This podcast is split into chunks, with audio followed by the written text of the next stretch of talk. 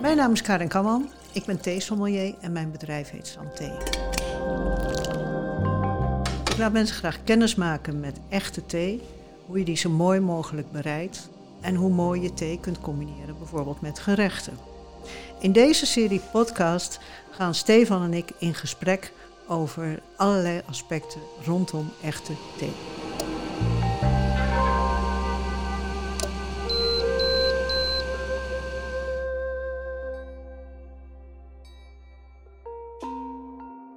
Karin, wat is nou de definitie van echte thee?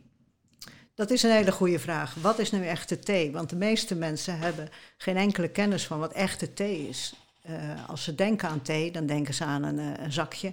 eh, wat ze in een, hengelen in een beker of in een theeglas. Ja. En eh, ja, en ik vraag ook wel vaak van eh, aan mensen die zeggen van ik hou van thee. Dan vraag ik van welke thee? Mhm. En dan hebben ze het vaak over, nee, ik vind muntthee lekker. En gemberthee vind ik heel erg lekker. En eh, ja, dat is allemaal hele lekkere drankjes. Maar goed beschouwd is het geen thee. En waarom is het geen thee dan? Omdat dat allemaal ehm, eh, ingrediënten zeg maar, zijn, munt of gember, dat komt niet van de theestruik af. Mm. En eigenlijk is het zo dat je alleen maar eh, als je te maken hebt met blaadjes of knopjes van de theestruik, dat het thee mag heten. Ja. Hè? In Frankrijk hebben ze daar een heel mooi verschil tussen, maar wij kennen dat verschil niet. Wij noemen alles thee. Hoe noemen die Fransen dat? Wat hebben ze daar dan voor onderscheid in? De Fransen die maken verschil tussen een thee en een infusie. En dan zeggen ze, dat- ik vind het zo'n prachtig woord, infusion. Ja, dat klinkt, maar dat klinkt in het Frans heel mooi. In het Nederlands, in, Oh, Niet, hè? infusie klinkt wat... Zo van, dat klinkt medisch, dat ga ik niet opdrinken. Exact. Ja. Misschien dat dat de reden wel is. Maar eh, het geeft ook allemaal niet. Eh, maar het is wel zo dat als ik tegen mensen zeg van het gaat om echte thee, dat ze vaak geen idee hebben wat echte thee nu werkelijk is. ja. En echte thee is dus wat van de theeplant komt. Ja, dat klopt. Het leuke is ook van thee dat of je het nou hebt over groene thee of witte thee of zwarte thee. Het is allemaal thee wat begint met blaadjes of de knopjes van de theestruik. Dus ze beginnen grofweg altijd bij hetzelfde. En het is dan de manier waarop de, eh, de blaadjes geproduceerd worden, wat uiteindelijk het verschil in de soort thee maakt. Bepaald. Ja. Ja, en daarmee ook de smaak. Want een groene thee smaakt totaal anders dan een zwarte thee bijvoorbeeld. Hoe komt dat dan? Wat, wat, hoe, hoe verschilt dat proces dan? Ja, nou, dit zijn eh, hele, inderdaad hele verschillende processen. Dat kan gaan over, eh, kijk, neem een groene thee. Daarvan, eh, hij heet groen omdat hij ook groen is. En hij blijft groen omdat ze zorgen dat hij niet oxideert. Ja. En een zwarte thee is helemaal geoxideerd. Mhm. Dus dat verschil eh, maakt niet alleen in uiterlijk, maar ook in smaak een heleboel Verschil. verschil. Ja. En dan kun je er heel scheikundig mee omgaan. Ja. En dat zal ik in een later stadium nog wel eens doen.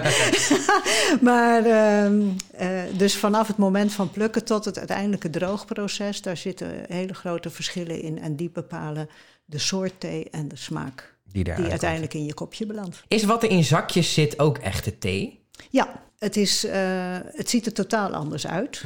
En ik mag graag af en toe wat chargeren. En zeggen van oké, dan hebben we de zakjes gruis. Ja. En het is natuurlijk uiteindelijk ook wel gruis. Maar het is wel zo dat die thee eh, is ook begonnen als een theeblaadje ooit. Alleen wat bijvoorbeeld, eh, nou ja, nemen we Pickwick English Breakfast Thee.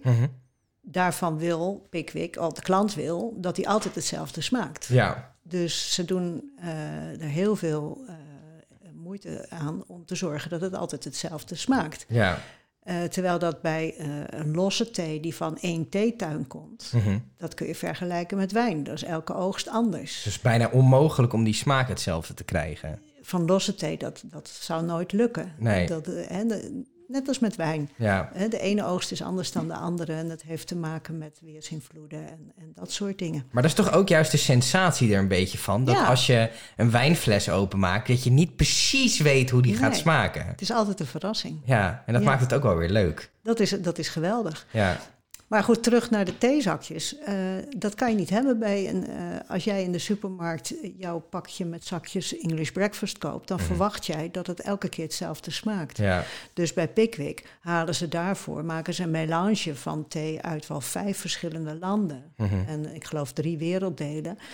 Waar, waar ze gewoon zorgen van de thee uit, eh, ik noem maar wat, uit, ehm, uit India is voor de kracht en de, de thee uit eh, Kenia is voor de smaak. En, nou ja, zo heb Pakken je- ze specifieke dingen, pakken ze daarvan. ja, en dan kunnen ze dus elke keer zorgen door, die, eh, door steeds weer die melanges op elkaar af te stemmen, dat die smaak exact hetzelfde is. Ja. Wel knap. ja, het heeft ook wel iets knaps. Het is ook heel Het is knap, wel ja. standaard. Het is heel standaard. Ja. Ja, er zijn natuurlijk hele volkstammen mensen die gewoon eh, elke keer hunzelfde kopje thee willen. Ja. Niks mis mee, Nee. maar het is een andere beleving Vind- van thee drinken. ja, en hoe zie jij die beleving dan voor je?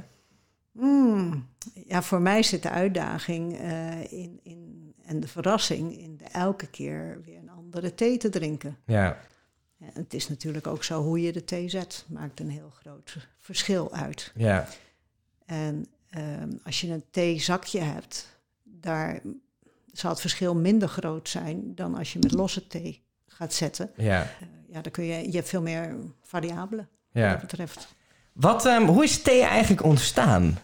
Nou, thee is echt werkelijk een eeuwenoud drankje. Mhm. Ehm, Wat is, wat, waar moeten we aan denken bij eeuwen oud? nou, ik zou je vertellen dat het eerste verhaal is gedateerd op 2737 voor Christus. Dat is lang geleden. Dat is echt heel lang geleden. Ehm, de legende wil dat de toenmalige keizer, dat was Sheng Nongxi, die was ook een, eh, een bioloog. Hij wist ook heel veel van wat goed voor de mens was en niet. Ehm Sheng Nongxi wist bijvoorbeeld al dat warm water goed voor je lichaam was. En dat dronk hij zelf ook heel veel. Mhm. En Gewoon hij- droog warm water. gewoon warm water. Ja, ja. ja, ja, ja. En de legende wil dat, eh, want hij mediteerde ook. De legende wil dat hij op een goede dag onder een boom ging zitten om te mediteren. Mhm. Met zijn kopje heet water naast zich. Ehm, tijdens zijn meditatie dwarrelde een blaadje naar beneden. Je voelt hem al aankomen. Een klein beetje wel. Ja, het blad viel in het warme water. En op een gegeven moment kwam er een heerlijk aroma in zijn neus. En hij dacht, wat is dat? En daarmee was de thee geboren. Dus hij onderbrak meteen zijn meditatiesessie en eh, hij ging dat onderzoeken. Ik denk dat hij helemaal uit zijn bol is gegaan. Maar dat is een beetje het, het punt waarop we denken dat thee is ontstaan. Ja, nou, we weten vrij nauwkeurig dat het Shengnongxi was. En we weten ook wel dat het... eh, Kijk, die 2737 is echt wel een, een, ja, een hard jaartal, eh, wat dat betreft. Mhm. Ja. En de reden dat we dat weten is dat er in 760 na Christus... dat is dus ongelooflijk veel tijd langer... Ja. was er een andere Chinees, die heette Liu. Mhm. En die wist alles over thee, maar ook over de geschiedenis. En die heeft alles vastgelegd in een boek, The Classic of Tea. Mhm. En daarin staat het allemaal beschreven. Ver- ja. Dus ze hebben dat al die tijd gewoon doorverteld. En, ja, eh, en dat boek is nog steeds verkrijgbaar. wat magisch. Ja, wat gaaf. gaaf, hè? ja, dat Ja. is wel heel erg, heel erg tof. Super. Ehm, d- is, er, is er ook iets bekend over... ehm, Oké, je had dan die ontdekking. Vanaf dat moment, is hij daar iets mee gaan doen? Is, dat hij, gaan, is hij dat gaan vertellen van... hé, hey, dit moeten we proberen, want dit is echt heel erg lekker? Ja, ik denk dat het. eh, eh, het is op een hele andere manier. eh, het is niet gepromoot zoals wij het nu promoten. Nee, hè? natuurlijk. Dus, nee, Hij heeft het eh, niet in een zakje gedaan, zeg maar. nee, dat al helemaal Kan niet. niet. Maar eh, nee, het is, het is in het begin werd thee gegeten, Mhm. Ha. eigenlijk. En dat staat weer een beetje haaks op de legende. Maar het werd gegeten. En op een gegeven moment zijn de monniken het met name de thee gaan eh, omarmen, een soort van. Omdat zij ontdekten dat als ze de thee dronken, dat ze daar kalm van werden, maar wel alert. Mhm. En er zijn bepaalde stofjes in de thee die daarvoor zorgen dat je inderdaad kalm, maar alert blijft. Dus die, die monniken hadden dat begin van de jaartelling al in de gaten. Zo, ja. En die Liu was volgens mij ook een monnik. En Mm. die heeft het gewoon echt, die man wist alles, maar ook over welke bodemgesteldheid je moest hebben voor de theestruik en noem maar op. En die heeft dat allemaal vastgelegd. Ja. En, en nog steeds is dat dus de Bijbel Basis. van thee. Gaaf, hè? ja, dat Zo is lang geleden. Super gaaf. Ja. En het is heel lang alleen in het oosten geweest, eh, China eh, en aanverwanten. En het zijn, eh, wij als Nederlanders zijn degene geweest die de thee naar het westen gebracht Mm. hebben. We hebben dat gedaan. Eh, eh, Hoe viel dat op, zeg maar? Ja, onze eigen VOC, de Verenigde Oost-Indische Compagnie, wie ja. Mhm. anders, de stoere knapen van wel eer.